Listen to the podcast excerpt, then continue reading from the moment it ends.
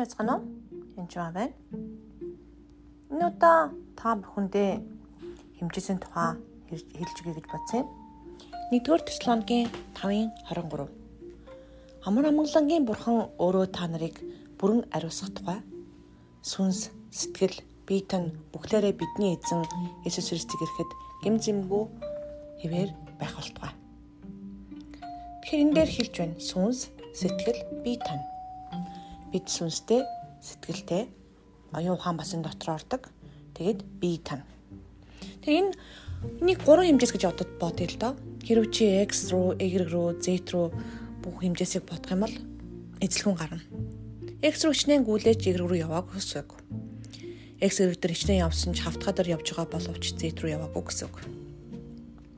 Ихэн шашин, ихэн дэлхий дээр хийдэж байгаа үйлдэлүүд сүнсийг орхигдуулсан байдаг сэтгэл дээр та уучлах ёстой, та талархах ёстой ч гэдэм үү олон тасгалуудыг зааж өгч байдаг л да. Бин дээр ч гэсэн ингэж амьсгал, тэгж амьсгал, ингэж дасгал хий гэд. Энэ бүгд хоорондоо холбоотой юу? Холбоотой уялдаатай юу? Уялдаатай. Сүнсний хэсгийг орхидуулснаас болоод олон асуудалд өвдөгчлэр бол та бодож чадахгүй байдалд ордог. Хичнээн хичээгээд ч болтгоо яг үүндээ тад нүрээ толинд харж байгаа боловч нүрэндээ чи асуудал гарч ил те толинд харж байгаа нь нэг хар толбо гарчиж. Нөгөө хар толбоо толиол арчаад ин гэсэн үг. Нүрэн дээрх толбоо арчихгүй байна гэсэн үг. Тэгэхээр хүний биеийн өвчин ч гэсэн сүнстгэл бие махбодтой бас холбоотой байдаг. Сүнсэн дээр холбоотой асуудлаар өвчин үүсэх юм сүнсээс болж өвчин үүсэх юм болвол хичнээн эрүүл мэндээр эмчээр яваад цэцгэн сэтгэл санааны дасгал хийгээд чинь болтгоо зүйл. Жишээлбэл ихэнх харшлууд байна. Ихэнх төрлийн харшил эдгэрдэггүй. А яг хоо янз бүрийн одоо урмлын харшлыг царцааны хаанд хэрэгжилдэг юм уу? Ингүүлтийг эсвэл им ч юм уу? Төр зургийн онцлогоо байж болно. Төр зургийн зүгээр одоо тийм эмчилгээ. А гэтээ эдгэрдэггүй. Ягаад вэ гэвэл жишээлбэл харшил бол сүнстэй холбоотой. Харшилч изайл Иесусийн нэрээр гэж залбирх ёстой гэсэн үг. Энд бүх төрлийн харшил орно шүү. Хоолны болон а ургамлын гаралтай харшил тоос тоосон зэрэг гэх мэт арслын арсны төмрийн гэд. Надад байсан би маш олон хэлсэн шидийн харшилтай байсан. Миний хүүхдүүд ч гэсэн бүгдээрээ эдгэрсэн. Залбирлаар. Сэтгэл санаатай холбоотой янз бүрийн өвчнүүд байна. Үл уучлал гомцсоос болж үүссэн ялангуяа савнд болж байгаа. Савны хавдар савндарх өвчин гомдолтой их холбоотой байдаг. Айдтай холбоотойгоор бүр өвдөгч юм уу тийм тохиолдол байж болно Энэ хэдийгээр онлоор батлагдаагүй хүч гэдгийг боловч яг үүндээ тийм байдгийг би мэддэг. Харин бих махбодтой холбоотой өвчний талаар энэ дуудаа ярих гэж бодсон юм. Жишээлхэд нэгэн удаа би гадаа явж байгаад сайхан дулаахан өдөр байсан. Нимхэн утастай явж байсан чи гинтэл цавсан шураг болж хувирсан. Та нар мэдэндээ Монголд яг тэгдэг. Нүүрнэд гүнөдөж эхэлсэн хүүхдэн болоод даарад сүултээ нөгөө цасны хайлаа шалбааг болж хувирсан. Алхаж явсныг хэлэхүү хөлдөж өгөх гэж байгаа юм гэрте орж ирсэн. Ингээд маргааш нь холоовдсон, тэгээ бүр өвдсөн. За тэгээд яаж цэлбраад явдггүй.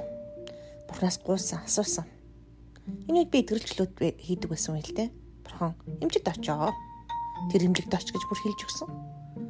Ямар сони юм бэ? Залбирал итгэж нүстэй би яагаад эмчд очих ёстой гэж баг бурхан та мар хашаасан. Тэгээ зааврын дагаад эмчд очсон. Дусаал хийлэг гэж хэлсэн Ингээд бахан имчилгээ болсон.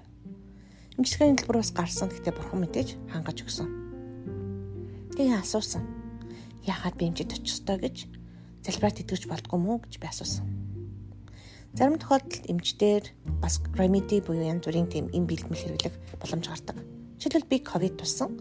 Ковид тусаад эдгэрсний дараа надад миний үс сунсан, бас зүрхний өвчтэй, бас биеийн тэнхээ яхан муу байсан. Энэ үедээ бурхан юу гэж хэлсэн бэ гэхээр чи мэрийн тоос үсэндээ түрхээрэй гэж хэлсэн.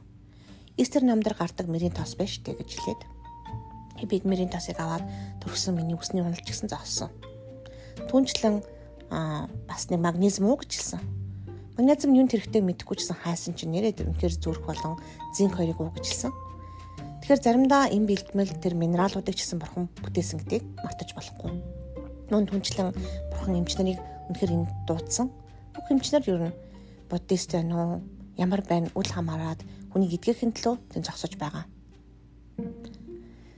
Тэр хүний ямар шашин шүтгэхтэйгээс үл хамааран өвчтнөө эдгэхийн төлөө бүх эмчнэрд байдаг. Чин сэтгэлээсээ ажилдаг хүмүүс шүү. Тэгээд тэднийг сайн өрөөд залбирч байгаараа. Тэгэхээр заримдаа эмч нартай хамтарч ажиллах шаардлага гардаг. Ялангуяа гадаадын эмчнэрийн орчуулган дээр би хамтарч нэлээд ажилдаг.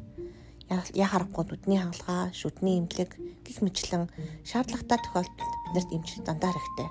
Гэтэ бид нэр сүнс болон сэтгэл санааныхаа ойлголтыг сайн мэддэг болчих юм бол эмчнэрийн мөн ачаалал багасах баха гэж би бодож байна танд амжилт хүсье.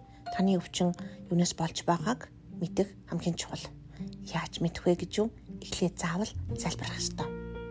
Ихэнхдээ биеийн хаасаагүй байдаг өвчин байн байн байн жил болгон гарч ирдэг өвчнгүүд, удирдлагын нартай өвчнгүүд голцсон сүнслэг байдаг. Удмын гаралтай ихэнх өвчнүүд бас сүнслэг байдаг шүү. Энэ талаар бас уншиж судлах хэрэгтэй. Таньдаг мэдэх хүмүүсээ асууж болно. Миний хичээл 5 дахь өдөр биш харин хагас өдөр болж хувирсан. Хагас өдрийн өмнө хичээл бас орж иж болоод асууж болно шүү. За, танд амжилт хүсье. Баярлалаа. Эмчтнийг өрөөж залбираарай. Пока.